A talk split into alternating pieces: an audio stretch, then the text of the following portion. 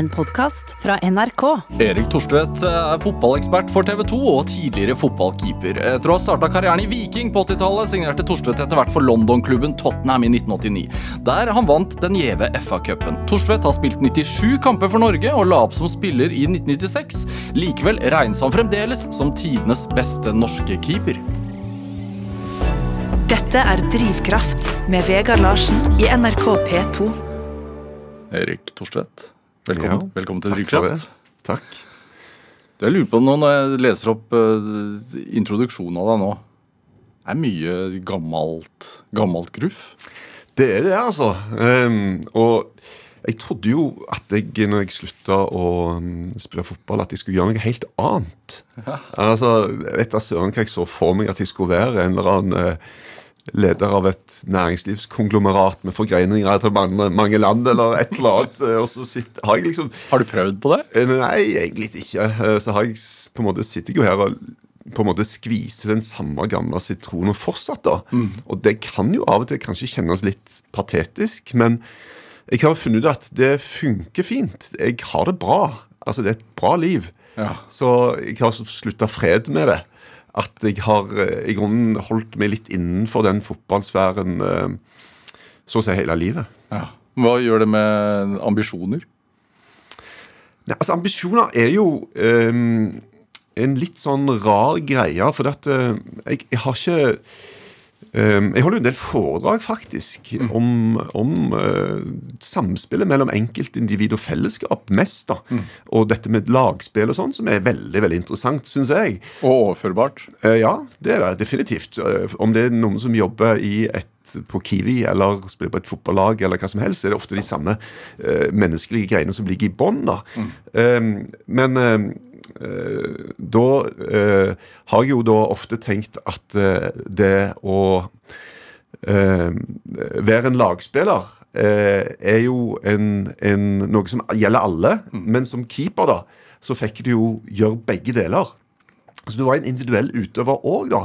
Så du, det der samspillet fikk du på mange måter begge deler av. Altså, du var jo eh, to på en måte, idretter i én. eh, og, og fordelen med det å stå i mål er jo det at eh, selv når de andre er ræva, og det skjer jo, så kan du være god. Ja. Sant? Eller motsatt. El- Ja, ja, det skjer jo òg, da.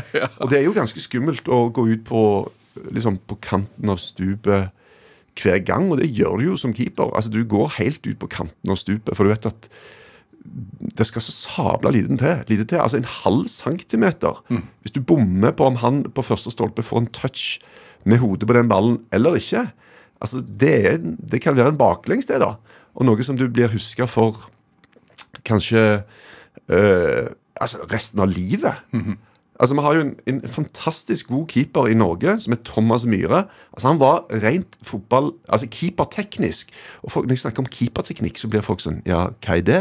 Jo, men på samme måte som en midtbanespiller kan ha fantastisk teknikk, så kan en keeper ha fantastisk teknikk. Og han var enorme. Og så um, er det en landskamp mot, uh, mot Tyrkia. Og han spiller ikke klubbfotball til vanlig da, og du ser at han er prega. Og han gjør noen feil eh, som blir uh, som, som koster seieren, da. Um, og, og så blir han uh, en, for en stor del huska for det, noe som er utrolig urettferdig. da. For Han spilte jo så mange kamper og gjorde så mange bra prestasjoner. Men akkurat denne greia der, da, eh, tar han med seg. Nå har han blitt fotballtrener, og det tror jeg han passer veldig bra til. Han trener jo Moss nå, eh, og det virker som han har funnet, funnet hylla si. Altså. Hva med deg? Også, hva, hvordan er eh, en arbeidsuke for deg, bortsett fra disse foredragene i ny og ne? Um, det er jo eh, å ta en tur til Bergen, da. Det er jo ofte der fotballsendingene i TV 2 eh, skjer. Og så må en jo forberede seg gjennom uka, da. Og nå har det jo vært en utfordring, fordi at vi hadde jo Premier League i veldig mange sesonger, og Ja. så mista vi det. Og så fikk vi norsk fotball istedenfor. Og da er det plutselig eh, toppserien for kvinner, Obos-ligaen, som er altså andre nivå for herrer, og Eliteserien, øverste nivå. Um, da er det ganske mange lag og mange nye spillere å sette seg inn i. Van, Så- vanskeligere jobb også? Er det van, altså, å gjøre underholdende? Det er vanskeligere på den måten at uh, når det er, handler om England, så er det avstand. Altså, du, hvis du sier et eller annet eh, om en spiller eh, som ikke er nødvendigvis positivt, så er jo det ingen i England som bryr seg om det. Men her så blir det mye tettere på, da. sant? Så du må være kanskje litt mer sånn eh, fingerspissfølelse i forhold til hva du sier. Selv om du må, må være klar og tydelig, da. Ja. Er det en utfordring for deg? Det kan være det. Jeg vet jo sånn fra gammelt av så, så had, snakket jeg veldig ofte sånn eh, på en måte liksom eh, omtrent eh, Kanskje. Så jeg, jeg hadde en, en guru, en, en, eh, en trenerguru, som betydde enormt mye for meg. Han heter Kjell Skau Andreassen. Eh, han var enorm på det mentale, da. Hvem, hvem var han? Hvor var, hadde du han? Han kom fra Stavanger. Han, han, var, han trente landslaget sammen med Nils Arne Eggen på et tidspunkt. Det var han som starta vikingeventyret. Når, de, når jeg begynte å gå på, på fotball i begynnelsen på 70-tallet, så trente han Viking, og da la han grunnlaget for at de vant fire sesonger på rad. Og han hadde alle stått i mål, men han er vel den beste keepertreneren jeg noen gang har hatt. Hvordan Fordi, fordi at han, han, han var så enorm i forhold til det rent mentale, da. Få meg til å bryte grenser, tørre å tenke de store tankene. Det var han som sa til meg første gang du kan bli den beste keeperen Norge noen gang har hatt. Det var helt absurd. Altså, det var helt latterlig å, å, å si noe sånt. Og vi lagde en keepertreningsvideo, um, og, og han da, da spør han meg ja, hva ambisjoner har du da? sier jeg. Litt sånn rar Stavanger-dialekt. Eh, Og så sier jeg ja, jeg eh, vil vel prøve å komme på landslaget. Og så ser han inn og så sier han vil du prøve å komme på landslaget, eller vil du vel prøve å komme på landslaget? Han var veldig sånn Du må si det klart og tydelig. Du må stå for det du sier. Det var han som sa du må ut og si at du vil bli proff i utlandet. Du må melde det. Sånn at folk får vite om det, så de vet hva ambisjonsnivået er. Og da blir det lettere for deg å ta det, det spranget. Hvorfor er det viktig å si det høyt? Ja, han, han mente det at for det første så ville på en måte, Det var jo det var veldig uvanlig den gangen. Det var veldig få norske proffspillere. Det var ingen keepere. Eh, og en, en på en måte måtte varsle utenlandske klubber og norske medier og sånt om at det var det som gjaldt. Og, og til og med sette lista for seg sjøl, rent mentalt. da, Og at det ville være en bra ting. Husker du første gang du sa det høyt? Til noen? Ja, det var Det var vel. Ja, det var eh, Da var jeg um, Ja 21, kanskje. Ja. Og han, som jeg sier, han var uten han Altså, han, han bygde meg sånn opp. Hvis jeg hadde gjort en feil i første omgang, så snakket han bare om de bra redningene jeg hadde gjort i andre omgang. Og jeg er ikke født med verdens eh, eh, stødigste selvfølelse. Eh, Det er mange ting som kan ligge bak det, men um, jeg hadde ikke automatisk en veldig stor tro på at jeg skulle fikse alt. Um, men han var med å bygge det opp, og så tror jeg at gjennom at jeg etter hvert lyktes med fotballen, da, så greide jeg å legge litt lag med selvtillit oppå den selvfølelsen. For selvtillit og selvfølelse er ikke det samme. Sant? Eh, Selvfølelse er mer den troen du har på deg sjøl og din egen verdi, mens selvtilliten er den oppfatningen du har over din mestring eh, av ulike situasjoner. da. Og min mestring av fotball hjalp meg kanskje til å stå stødigere i andre situasjoner. Det å være på TV, f.eks. Altså, de første gangene jeg var på TV, altså, det var jeg var knall rød. Jeg stotra. Jeg var, det, var, det var shaky, altså. Og Samme det å stå foran folk og, og snakke. Det var ikke noe jeg på en måte født med en sånn iboende greie til at jeg skal kunne greie. da. Men både han og de tingene jeg opplevde på fotballbanen, gjorde at det andre òg ble lettere. Dette er Drivkraft med Vegard Larsen i NRK P2. Og i dag er eh, fotballekspert og, og tidligere fotballkeeper Erik Torstvedt her hos meg i Drivkraft på NRK P2. Du har så eh, høy sånn keeperrøst vet du, etter å ha stått bakerst og, og kommandert spillerne i mange år, så du må fjerne mikrofonen Ja, litt, jeg skal prøve å det. det er klart, Hvis ikke de hører det i et annet fylke, så er det ikke skikkelig keeperdirigering. altså, det skal ligge på det nivået. Det med, eh, det med selvtillit også. Du er jo eh, fra Stavanger. Hvor i Stavanger? Fra Madla. Ja. Hvordan, var, altså, hvordan var det der på 60-tallet? Det var jo på landet. Eh, far min var litt fremsynt, så han eh, fikk prata med en bonde og kjøpte seg ei tomt eh, ute på landet. Um, og så etter hvert så Altså en spiste jo- bondegård, eller? Ja, det var, det var en del av en bondegård. Og jeg husker i begynnelsen så var det jo både kyr og griser som ralta rundt utfor der. Men så spiste jo byen seg utover. Og eh, Så det ble jo en eh, in integrert del av Stavanger. Jeg tror ikke det var Stavanger kommune engang i begynnelsen, når jeg, når jeg bodde der. Men det var jo et sted der det var eh, lett å fyke rundt mange andre unger som var, kom til på, på samme tidspunkt. Og ehm, det var en bra plass eh, å bo. Stakk ned på sommeren til Hafrsfjord, som gjerne noen har hørt om. Som var stedet der Norge ble samla til ett rike, blir det påstått, av Harald Hårfagre. Det var der vi bada og svømte. og og så påstås det òg at det er noen som har drevet og- og dypdykka litt ned i det der vannet for å finne disse gamle sverdene alt fra dette slaget, og jeg finner ingenting. Så det der det er ikke 100 sikkert, enkelt at dette her stemmer. Hva, hva, hva gjorde moren og faren din? Far min var eh, elektriker. eh, Mor mi var husmor i utgangspunktet. og Så ble hun aktivitør, og så ble hun sekretær etter hvert. Jobba i uh, oljeselskaper. Uh, far min, han han var på, den, på Ocean Traveler, som var den første boreplattformen som rører rundt og leter etter olje ute i eh, Nordsjøen. På slutten av 60-tallet? Ja, midten av 60-tallet, faktisk. Og eh, For han hadde vært i USA. Han hadde vært øh, jobba oppe i Alaska på langt ute i ødemarka og bygde radarstasjoner for å lytte på russerne. Og, så han var på en måte indoktrinert i det amerikanske systemet. Så når, når, når de kom og skulle begynne å lete etter olje, så var det amerikanerne som drev dette. Nordmenn kunne jo ikke dette. Så da fikk han eh, Det var enormt søk... eh, Mange som ville ha jobben. Han fikk eh, han fikk han, og det, Mitt første barndomsminne er når han reiser med helikopter. Det er det første jeg husker. Da var jeg fire år, tror jeg. Fra gårdsplassen? Nei, fra Forus eh, mellom Stavanger og Sandnes der. Og, men han, HMS-en var jo elendige. Eh, dette var en plattform som var taua inn fra Mexicogolfen. Overhodet ikke bygga for å tåle tøffe nordsjøforhold. Og, og det var mye banker i rørene, og så han han hoppet av etter tre-fire turer og, og ville ikke mer. og Da sier mor mi, da kom det fem amerikanere hjem til oss og prøvde å overtale han til å fortsette, men han bare blånekta. Hvorfor husker du det så godt, tror du, at han reiste ut? Um, jeg tror det var igjen det med helikopter. altså. Det var veldig spesielt. Altså, Å se at han går inn i et helikopter som letter hmm. Ja. Da hadde jo aldri vært inne i noe fly eller noen ting på det tidspunktet. Hvor mange unger var dere? Vi var to. Ja. En litt eldre bror og også meg. Hva slags oppdragelse fikk du? En f ganske sånn fri oppdragelse, vil jeg si. Eh, Det var ikke så mye kontroll med hva vi holdt på med den gang. Det var ikke så mye oppfølging. Eh, Denne curlinggenerasjonen som skal eh, børste unna all motstand, den eh, var ikke oppfunnet på det tidspunktet. Så eh, Hva vil det si, egentlig?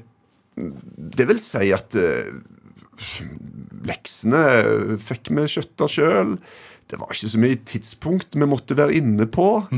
Um, og vi fikk en eh, Ja, fikk lov til å holde på, egentlig. Er du curlingpappa selv? Jeg prøver å ikke være det. Eh, Jeg tror nok eh, kona mi er mer curlingmamma. Hun får uendelig vondt i hjertet sitt når det er et eller annet som er vondt for ungene. Men jeg tenker jo at hvis de ikke har noe av det underveis, så kommer det før eller siden. Hvis du ikke er bitte litt herda, da, så blir det en kjempesmell. Så eh, noe må vi ta, og de er ofte mer robuste enn det vi tror. Var det det du fikk høre på et vis? Det får du tåle. Nei, jeg fikk ikke høre noen ting. Vi måtte bare ta det som det kom. Og det er klart, eh, Jeg vet ikke hvor mye eh, tid jeg har brukt på fotball på ungene mine, men det er mye, altså. Men, eh, men det var jo ikke mange kampene som mine foreldre så når jeg spiller, i oppveksten. Hvordan er det, da? Eller hvordan Nei, det var var det? ok, det var jo sånn det var. Ja. Hvis det var en ivrig far som kjørte rundt på oss, og sånn, så var jo det som det var det som var det unormale. Ja. Hvem har du arva humøret av? Det vet jeg ikke.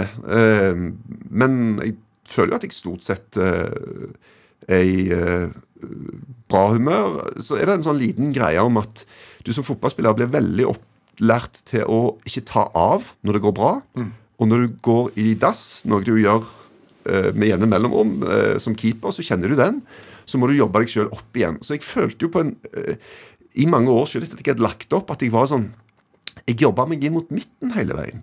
Sant? Hadde man en sånn iboende greie om at du skulle eh, så, så jeg tenkte at vet du hva, jeg må jo drite litt i det òg. Du må jo kunne tillate deg sjøl å ha ekte følelser og gå litt i hele spennet her. Det er jo noe av det å være menneske, det òg, da.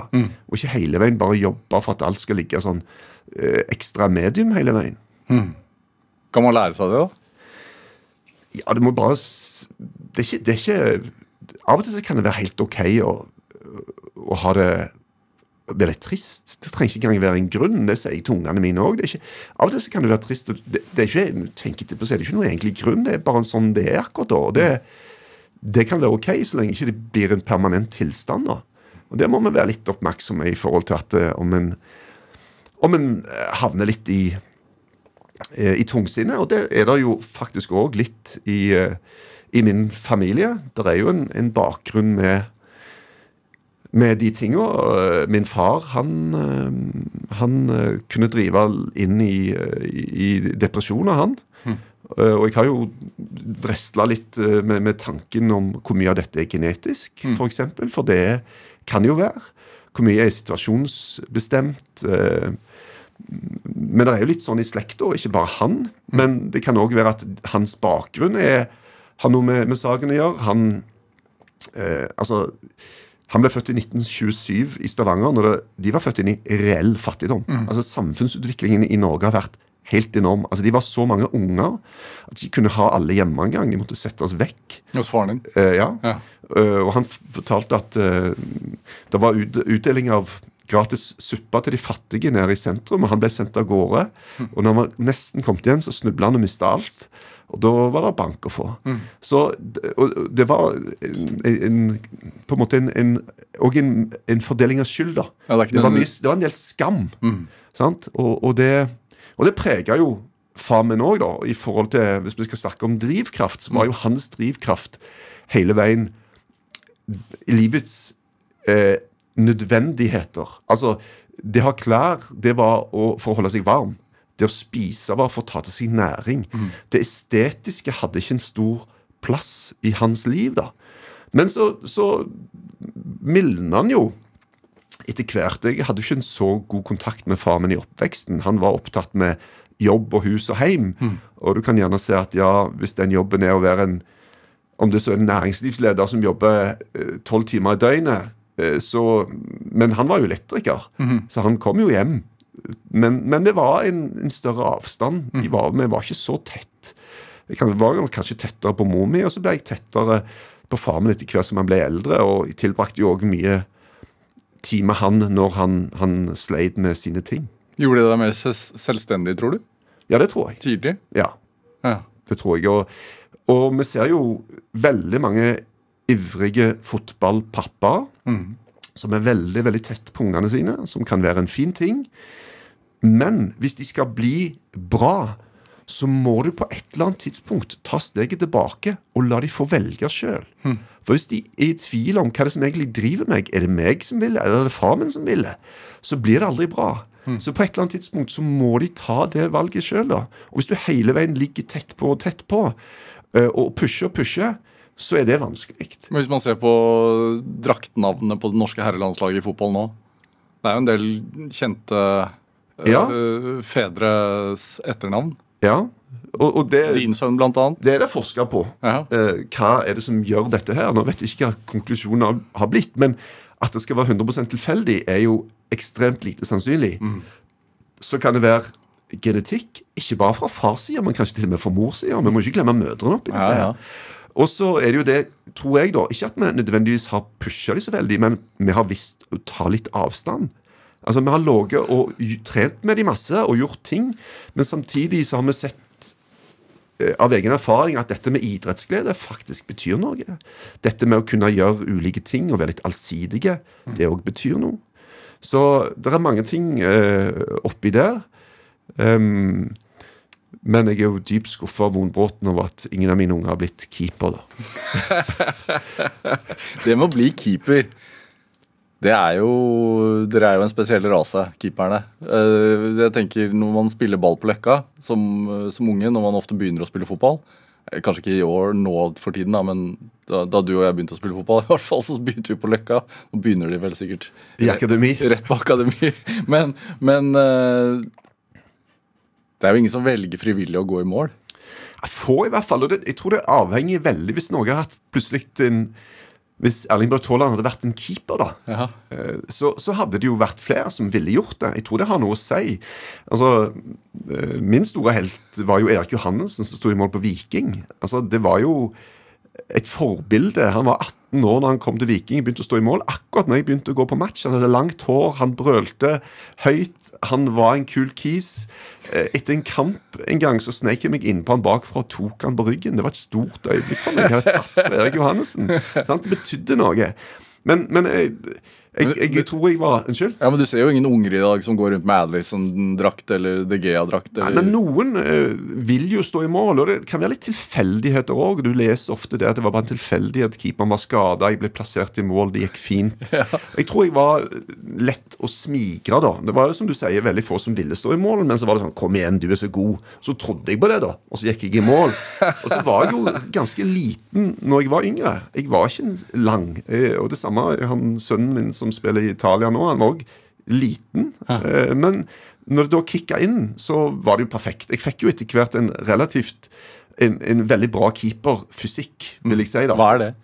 Du er lang, da, og så er du relativt myk.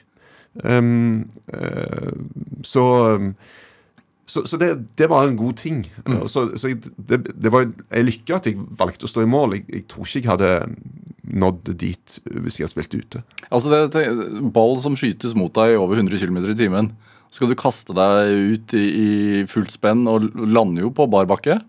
Er Hvordan overkommer man frykt? Eller er, har man ikke det? Nei, altså det, det, det har jeg aldri tenkt på. Du, du begynner jo i det små, da. Du begynner jo med at du er en liten eh, unge, og så er det noen små unger som skyter på deg. Ja, så De det jo- skyter jo hardt, de òg.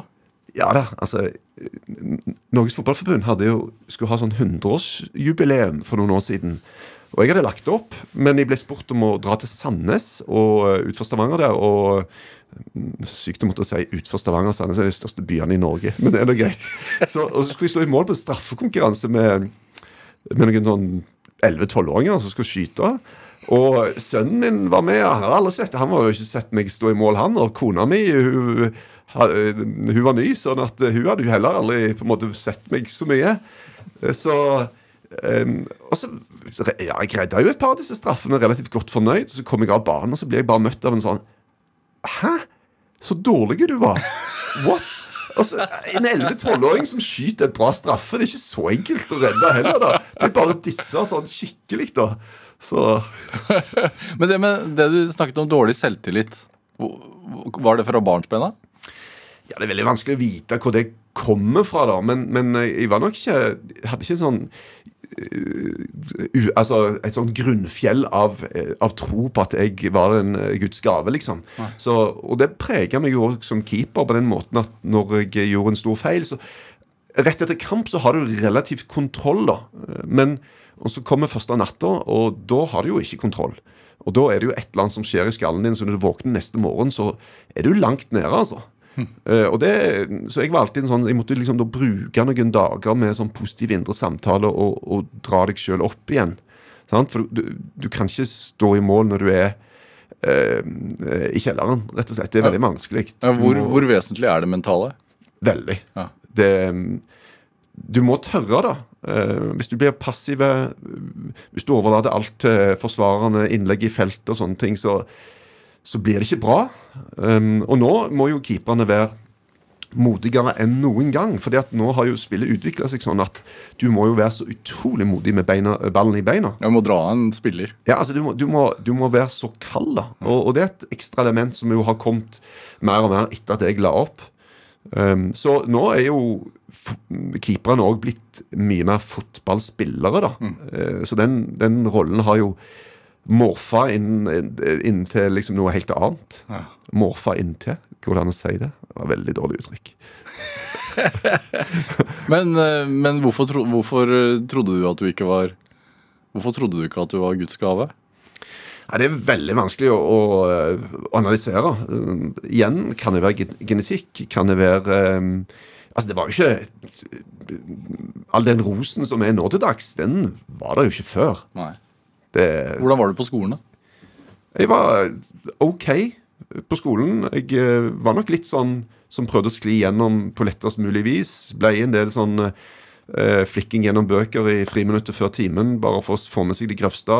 Eh, gjorde jo Gjennom hele skolegangen så gjorde jeg alltid mitt beste på prøver, da. Men eh, i det daglige så var det nok litt mer sånn prøve å skli gjennom. Men jeg fikk eh, OK karakterer og sånne ting, bortsett fra i matte på videregående. Der klinker jeg til med en einer. Det er dårlig, ass. Når, jeg sto på det, faktisk, av alle ting. hva, eh, I forhold til sånn fremtidsvisjoner og ambisjoner, hva, hvor fort ble det fotball? Jeg, altså, at det ble alvor, vet jeg nøyaktig tidspunkt for når det skjedde. For det er ofte så folk som blir spurt om ja, når tenkte du skulle begynne å satse, eller nå ble det virkelig alvor, og folk kan være litt sånn ja Men jeg vet akkurat tid det var. Jeg var 16 år, ganske seint egentlig. Men du, du begynte jo å spille fotball på lag mye seinere den gang. Nå begynner du når du er 4-5. Det var jo ikke noe lag før vi var 10 den gang. Men når jeg ble 16 år, så spilte jeg i Viking. Men vi var ganske gode. eh, Såpass gode på guttelaget da, at det var jo ikke alltid du hadde så veldig mye å gjøre som keeper. Det å spille i Viking, det var jo bra, det. Ja da, det var bra, det. Eh, Men jeg fikk da tilbud om å spille på A-laget til Madla, som var jo da stedet der jeg kom fra. Ja. Og det var jo et steg opp. Som spille, ja, spille voksenfotball. Men jeg hadde jo mitt, mye mitt sosiale nettverk i Viking. Det var jo kamerater hvor jeg hadde spilt i mange år. Eh, Og, og så valgte jeg å ta det spranget, og da ble det alvor. Og da, da når du òg ofrer et eller annet da. Jeg ofra òg noe for å gå over og satse på 100% på fotballen i Madla. Og jeg ofra noe sosialt og, og kameratskap og sånne ting. Og jeg tror det har, det har også en sånn veldig sånn selvforsterkende effekt når du offrer et eller annet, når du viser opp for deg sjøl hvor mye du er villig til å gjøre fordi du skal bli best mulig på dette her. Så, øh, Sa, gikk du den runden med deg selv? ja, da, og da på en måte, da ble det da bestemt, Det er det viktigste. Skole alt, fair enough. Men nå er det det som gjelder. Ja. Og jeg ble perfeksjonist. Jeg, jeg øvde meg på å trille ballen ut, sånn at han, han ikke humpa. Altså, han skulle komme helt strøken. Altså, alle detaljer av spillet ble eh, gjennomgått. Og jeg husker jeg, jeg tenkte mm, hvis, hvis jeg hadde fått tilbud om 1 million kroner for, for at jeg skulle stå over trening i morgen, så hadde jeg ikke gjort det. Og det er gjerne litt sånn sitte og si det nå, men, men det var bare sånn at Altså, jeg, jeg skulle trene mest, da. Og det gjorde jeg. jeg når man var på guttelandslagssamlinger, og sånne ting, så, så visste jeg at det, det er i hvert fall ingen som trener mer enn meg. Og det, det, det, betydde nok en del for meg at jeg hadde den vissheten, òg av den at jeg kanskje ikke hadde en så urokkelig selvtillit, men det ga meg selvtillit å vite at jeg var godt forberedt. Hvor kom den mentaliteten fra? da? Fordi det å, å trene de faste øktene er jo én ting, men det å stå igjen og rulle ballen for at den skal Ja. gå altså Den mentaliteten, hvor Nei, det, det var bare det at jeg, jeg, det var all in, da. Og jeg trodde Jeg hadde Var det noen som sa dette? Hadde du diskusjoner hjemme? Og så var, Nei, nei, overhodet ikke. Dette, jeg, jeg husker jeg skrev eh, eh, sånn eh, eh, Bare på et ark så skrev jeg med, med blokkbokstaver eh, Hvis du trener mye, blir du kjempegod og kommer på landslaget. Og det hang jeg opp i taket over senga. En sånn velkjent eh, motivasjonsgreie. da Men den, den så jeg på da eh, på, eh, når jeg våkna på morgenen og eh, når jeg skulle sove på kvelden. hvor hadde Og- du lært det, da? Nei, jeg vet da søren jeg, ikke hvor jeg hadde lært det. Men jeg ser øh, sønnen min, da, som er fotballspiller, han gjorde akkurat det samme. Og jeg fortalte ikke han at han skulle gjøre det. Han gjorde akkurat de samme tingene. Og brukte de samme triksene. Um, Hvorfor et ønske om å bli best? det var, jeg, hadde, jeg var bare helt psycho. Jeg vet, jeg vet ikke hvor det kommer fra, men jeg var Altså, jeg har, jeg har tenkt litt over det. Sånn, når du vokser opp, så føler du deg av og til litt sånn urettferdig behandla av noen. Du, du, du, du liksom Du får ikke være med den kule gjengen, eller et eller annet, da.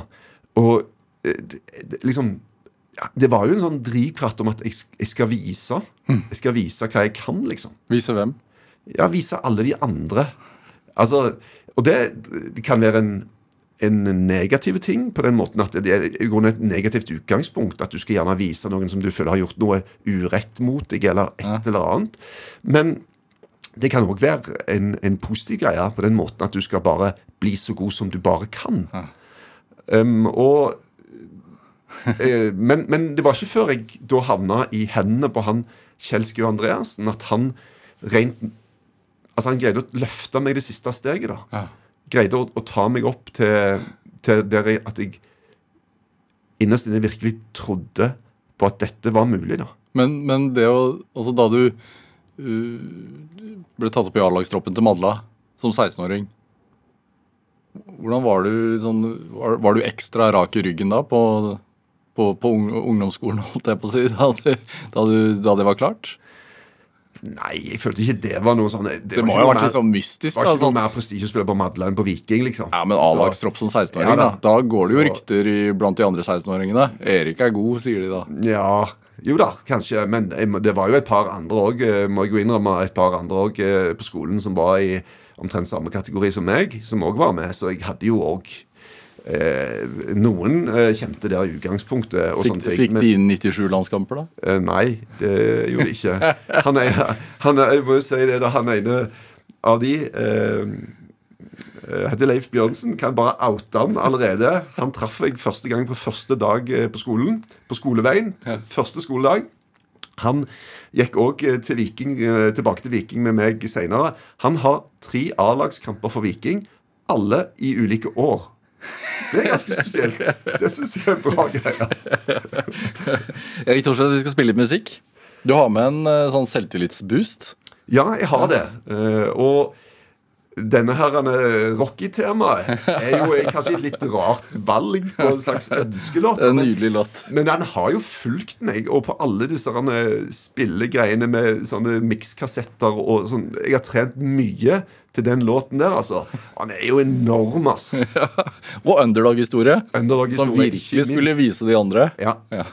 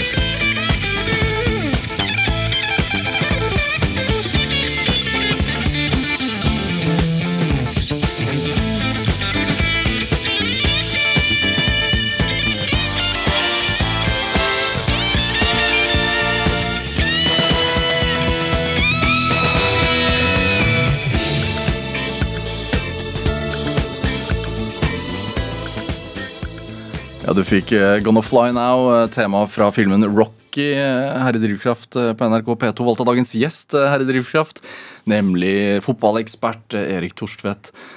Nei, men bare si at den finnes, det fins i en annen versjon. Ja, det finnes i en annen versjon, ikke er- versjon, så Ja. det er bare å gå ut og finne det fram. oss. Men øh, det å, å øh, velge én ting foran den andre, og så gi et offer på vei for å, for å nå et mål eh, den best, altså, må, må man være besatt? Nei, jeg tror ikke du må være besatt, men eh, Har du vært det, Jeg tror det føler du? hjelper å ha en sånn uh, Ja, jeg vil si jeg var det, altså. Uh, og jeg, uh, jeg tror jo um, Det der med, som jeg nevnte, in, samspillet individual, individualitet og fellesskap, da, Ja. um, er jo Det er ganske interessant hvem velger hvilke idretter, f.eks. Hvem velger å springe alene uten å måtte stole på noen andre? Hvem velger fellesskapet? Det Um, og så er det jo selvfølgelig hele spennet òg i et fellesskap. Du har Cristiano Ronaldo. Det finnes ganske mange klipp av han ute, en av de beste fotballspillerne i verden gjennom tidene. Han blir fly forbanna når en annen på laget scorer. Sant? Du har, du, det andre, altså, du har noen svømmere da som svømmer raskere når de svømmer stafett. Fordi de svømmer på vegne av fellesskapet. Det er ganske interessant, egentlig, hva som bringer det beste ut av, eh, ut av folk. Eh, Men eh, det, det, det hjalp i hvert fall meg veldig å ha den der enorme driven, som jeg ikke helt vet hvor kommer fra, men han var der i hvert fall. Og det da, og- altså, du, du spilte jo i Viking, og så var du innom en eh, rekke klubber. altså Göteborg, eh, Gladbach i Tyskland, før du etter hvert havna i Tottenham ja. i 89. eh, På et tidspunkt som det vel ikke var noen andre eh, nordmenn som proffer i England. Nei. Eh, hadde vært veldig, veldig få før det. Hvilken stand hadde engelsk fotball i 89 her? Engelsk fotball var jo gedigent, men det er også interessant å spørre eh, hva standing hadde norsk fotball i England på den tida. Ja. Og det var jo ikke I, til, ikke tilstedeværende, Nei, kanskje? eh, all verdens. Eh, Sånn at eh, jeg har jo sagt det, det er en del av disse som har kommet eh, etter meg Mhm. til England, at eh, noen måtte gå, for, måtte gå foran og drite seg ut. Så andre skulle komme bak og, og skumme fløten, da. Um, og I, I kvalifisering til VM i 1994 så var vi i gruppa med England og slo de ut. Mm. De kom ikke til VM.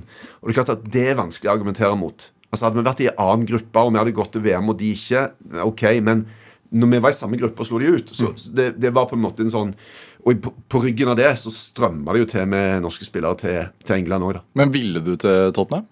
Ja, altså Jeg hadde vært i faktisk i, i Tottenham eh, noen år tidligere, eh, og var der borte ganske lenge. Men jeg fikk ikke arbeidstillatelse. Det var vanskelig få arbeidstillatelse den gang. Um, Jeg var i Arsenal òg på et tidspunkt, noen uker. Ha. Um, Kunne blitt. Eh, ja, og, men, men det var akkurat det samme. Så når Tottenham kom inn for meg igjen, så tenkte jeg at ja, men dette har vi prøvd tidligere. Men det var spillerforening, altså fagforeningen til spillerne var veldig sterk og hadde mye å si. Mm. Så det var tommel opp eller tommel ned fra de. da. Og i dette tilfellet så vant, eh, vendte de plutselig tommelen opp. Du, du dro dit med en liten familie. Hvordan var kulturforskjellen? England, eh? Eller du hadde jo vært innom andre klubber, da. Ja, da, jeg, kom, altså, jeg kom jo fra Sverige, da, men jeg hadde jo vært to år i Tyskland. Og, og kulturforskjellen fra Tyskland til England var jo øh, voldsom. Ja.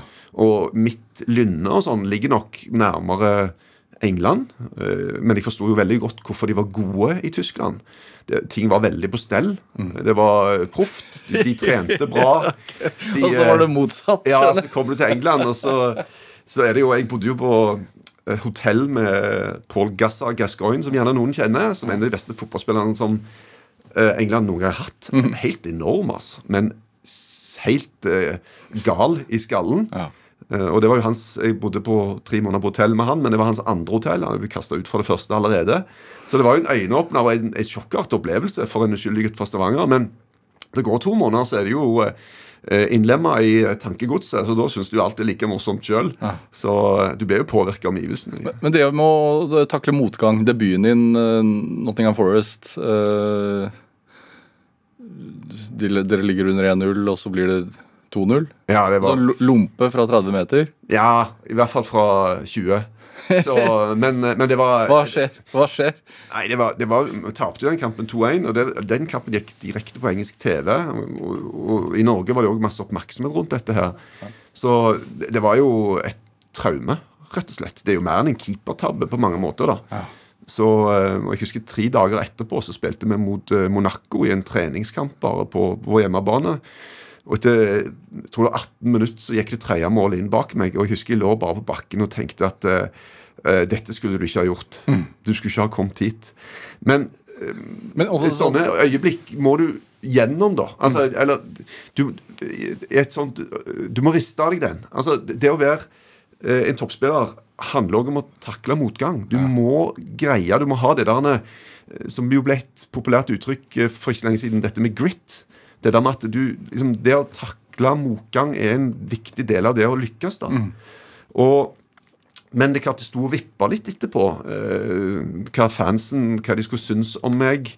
Eh, spillerne, selvfølgelig. Eh, men så plutselig, sånn tre-fire kamper seinere, så begynte vi å vinne. Og så vant vi basically ut den sesongen, og da var det greit. Og så vant dere FA-cupen to år seinere. Ja. Og du havna på coveret av Fifa 95, eller Ja, som, som den eneste keeperen som har vært der. Det er min claim to fame i forhold til ungene i dag. Jeg har vært på coveret på Fifa. Ja. Det Jo, men altså, Du klarte jo å snu det, men, men mentalt Den gritten, eller den, den å snu motgang til noe positivt, altså, er den overførbar? Har du, er det noe du har tatt med deg? jeg vil ikke si om du, overfør, om du greier å overføre det til noe positivt. Det er jo, det er jo en smell.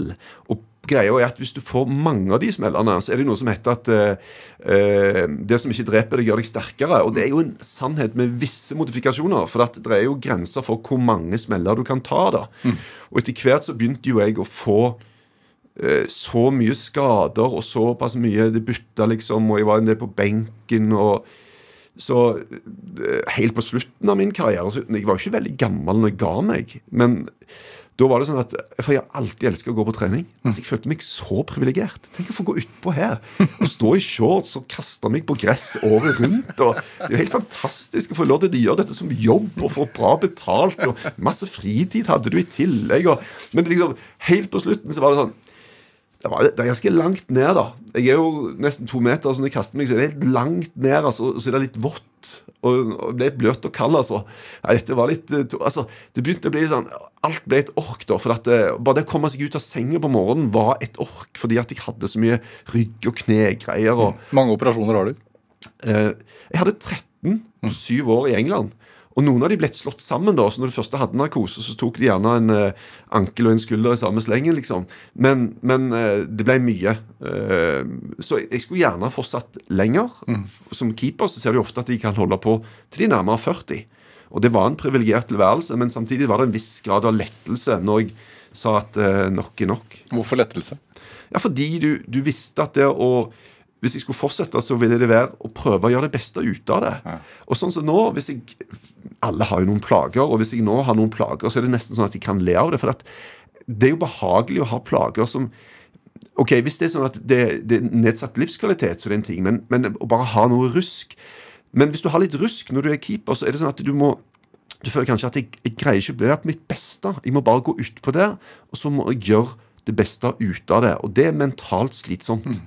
Å vite at du ikke kan egentlig greie å være på ditt aller beste, men det forventes jo at du skal være det likevel. Da. Men idretten er jo én side av altså sånn selve idrettsprestasjonen og, kampen og, og det som oppstår der. Men det, altså når du går ut på et fullsatt White Hart Lane da, og det bruset Jeg vet ikke hvor mange tilskuere det var under, når dere spilte, men Nei, det, kapasiteten den gangen var vel bare 36 000 eller noe sånt. Men henne spilte jo på, på Hvordan føles Wembley når det? var 85 000, og spilte i VM når det var nærmere 90 og hvordan føles det? Det er eh, Altså jeg, det, det var en fantastisk Når du var på en måte akkurat på rett sted, da, eh, sånn mentalt og sånn Når du sto i spillertunnelen og skulle gå ut, så kjente du på det som jeg har sett basehoppere si, da. At de, de, der er en frykt der, men du føler likevel at du har kontroll. Det er en fantastisk følelse, da. Når, og så hadde jeg ofte en sånn greie at du kunne kjenne at energien strømma fritt liksom i hele kroppen, helt ut i fingertuppene. Når du kjente på den følelsen at det ikke bare var en klump i magen som stakk av gårde med absolutt all energi. da. Og jeg har jo vært i faser der jeg òg hadde det. Jeg, når jeg var ung fotballspiller, så tenkte jeg fotball 24 timer i døgnet. Altså Når jeg kom til kamp, så var jeg jo helt utslitt. Sant? Og det var nesten en sånn lammende frykt mange ganger. da. Det er Overtenkt. Eh, Ja, og, og eh, Kjell Skue Andreassen hjalp meg med det. Pluss det at jeg, når jeg lærte meg å, å, å eh, rett og slett slutte fred med den nervøsiteten og si at vet du hva, jeg kan spille bra uansett. Jeg. Det har jeg gjort mange ganger før.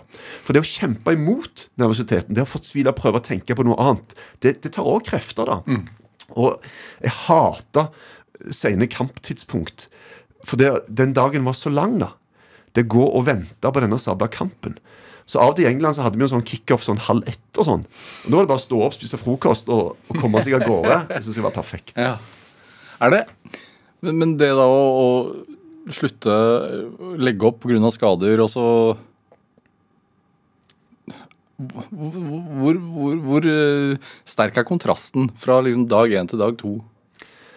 For min del så var, det, så var den veldig på den måten at jeg, eh, jeg gikk jo øh, Altså Jeg gikk rett inn i en øh, sportsdirektørstilling i Viking som øh, Og det er en sånn type stilling som du kan jobbe ekstremt mye.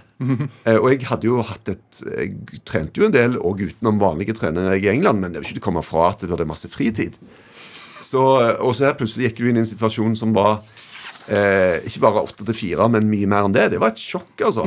Og, og jeg spredte meg jo altfor tynt, og alle skulle på en måte ha en bit, og jeg var med på alt, liksom. Så det var, det var ikke så bra. Så, så den, den, kjente jeg veldig på, den, eh, den kontrasten eh, der. Um, så, men, men det som jeg og jeg hadde jo en veldig sånn klar drivkraft i forhold til hva jeg ville som fotballspiller. Jeg ville på bli best mulig. Jeg ville på en måte på landslaget jeg, På en måte La du merke til det? Nå sa jeg på en måte igjen, da. Altså, jeg må kutte det der greiene der. Jeg ville på landslaget. Ja. Uh, og, og, sånn som så, så jeg Og så har jeg kjempa litt med den der litt sånn kaller du, skal vi kalle det for streber. da. Mm -hmm. Hvis du er en streber, så er det liksom sånn Du skal hele veien videre, videre. aldri noen, altså, Du setter deg sånne mål, og du er villig til å klatre over hvem som helst for å komme dit. Og det har jeg et anstrengt forhold til. da. Men i idretten så må man jo ha det? Ja, men du tenker jo at hvis jeg bare konsentrerer meg om meg sjøl og, og, gjør mitt beste, så vil, jeg, så vil det være godt nok. Mm. Altså det å um, Det er jo en sånn norsk idrettspsykologisk greie som har vart i en del år, som har vært en supersuksess. Det er det at vi tenker på prestasjon mer enn på resultat. Vi fokuserer, på det, fokuserer på det vi skal gjøre. Og hvis vi gjør det på en bra måte, så vil resultatet komme som en naturlig følge av det. da. Um, men uh, så, så uh, i de jobbene jeg har nå, da, mm. så, så, har jeg ikke liksom, Jeg snakker jo i foredrag om å sette seg mål. Og så har ikke jeg hatt noen klare egentlig sånne definerte mål etter at jeg slutta som fotballspiller. Men det jeg har tatt med meg, er denne greia om at jeg alltid skal gjøre mitt aller beste. Jeg har en sånn iboende greie, en, en, en, form for arbeidsmoral som sier at Som også tar med, vekk litt, med å ta vekk press. Da, For at hvis du gjør ditt beste, så vet du aldri hvordan det skal gå. Men du kan iallfall se deg sjøl i speilet. Du kan se jeg har gjort så godt jeg, jeg kan. Og, og derfor så var dette med forberedelser veldig viktig for meg. Både i jobben nå, men òg eh, som fotballspiller. Og på slutten av min karriere så var det kanskje noe som beit meg litt i ræva òg. Fordi jeg kunne ikke gå ut på banen og spille kamp uten at jeg hadde gjort en god del treningsting som jeg følte jeg var nødt til å gjøre. Og det var ikke alltid at det var bra for den fysikken som jeg hadde på det tidspunktet. Men jeg følte at jeg må bare gjøre det. Mm. Hvis ikke så går ikke jeg ut på og er ha den selv selvtilliten som jeg føler gode forberedelser bringer. da. Du hadde jo, uh, I Spurs så hadde dere jo hva, seks trenere på like mange år, eller noe sånt, eller seks managere. Ja. Hvor, hvor, viktig er en manager i dag? Eller da den gang? Jeg tror han betyr veldig mye. Um, det er klart, det er masse trenersparkinger, og hvis du ser over tid, så betyr det ofte ikke så veldig mye. Det er ofte underliggende ting i forhold til ressurser, eh, lønninger de betalte spillere, masse sånne ting som, som betyr òg uh, ganske mye. Men jeg mener jo at alt en trener sier, blir tatt imot, prosessert. Jeg vil si det har mye å si, da. Ja. Og sitter City med Pep Guardiola, f.eks., som jo er et fotballgeni Altså Hvis du hadde satt han inn i Man United og gitt han litt frie tøyler for en del år siden, så hadde de vært kongene på haugen nå. Tror du det? Ja, det tror jeg. De har prøvd, da. Med mange forskjellige. Jo, jo, men ikke med han. altså, han er jo et eh... Men er det ikke litt sånn eh, når du har nærmest ubegrensa midler, at man kan, kan kjøpe seg opp dit? Eller er United et godt eksempel på det? Og Chelsea? Ja, det er mange eksempler på at Chelsea vant jo masse i mange år, de. Ja. Så de har jo, Og de var jo på mange måter et kjøpelag. Ja. Men eh, men eh, de hadde jo en sånn, de skifta trenere veldig ofte, men hadde likevel enormt med pokaler i, i, skapet. da. Hva tenker du om den utviklingen av fotballen? Altså for, for min egen del, som er eh, lidenskapelig fotballopptatt, så har, merker jeg at min interesse har dalt litt de siste årene. Pga. kjøpekraften, pga. eierinteresser. Ja, altså det som jo har skjedd, er jo at Premier League da, for en stor del har tatt rotta på mange av de andre ligaene. Jeg merker jo det f.eks. i Italia, som jeg er en del eh, altså, Jeg var så Milan mot Tottenham. Det, det å slå et, et Premier League-lag, det syns de var ekstra stas. Ja. For at de har hatt eh, Og nå er det jo en del i England som er litt snurtne over Saudi-Arabia, som driver og kjøper og betaler og Jeg syns jo liksom Snakk om at dette må stoppes og greier, men det er jo eh, litt eh, dobbeltmoralsk, da, når de har støvsugd det som er av talenter rundt omkring. Og så skal de begynne nå å tenke at uh, ja, Saudi-Arabia skal i hvert fall ikke få lov til å hente våre spillere. Men hva tenker du om utviklingen, da? Sånn, er, det, er det den samme idretten som du ble forelsket i? det er, det er i hvert fall en mye bedre idrett. Altså, De hadde massakrert oss. Altså. Altså, det, det, de er blitt så mye bedre. Altså, eh, når jeg kom til England, det var jo så mye rør. Altså, Hvordan da? trening, ja, men trening, var jo, trening ble ikke brukt for, til å gjøre oss bedre. Det var bare som vi skulle holde oss i gang til lørdagen. Og det skal jeg si. Vet du hva? Eh, ti minutter før kampstart i garderoben, det var som å slå på en bryter. altså. De var helt, de sto og skalla i veggen. og det, det, var- Den fighting-spiriten som den gjengen hadde i bånn Og så var det veldig mange gode fotballspillere i tillegg, da. Men i forhold til Tyskland så forsto jeg godt hvorfor Tyskland var en, en, bedre fotballnasjon. da. Landslaget var jo mye bedre fordi at alt var mye mer proft. Og hvis du ikke presterte bra på trening en uke, så kunne du, ikke, kunne risikere å ikke få være med på kampen på lørdagen. Det, det ville aldri skjedd i England. da. Disiplin. Eh, litt sånn eh, kulturen òg blant spillerne. Det var en veldig sånn utdritingskultur. Det var, det var jo ikke noe eh, kultur for å se noe fint til hverandre. Det var bare snakk om å pisse på andre, basically. Men, men når vi kom sammen, da, og Tottenham var en sånn klubb som var god i cuper, men vi hadde ikke nok stål i ryggraden, nok disiplin til å være gode over en hel sesong. Og eh, eh, klubben hadde vel en sånn frykt for spillerne.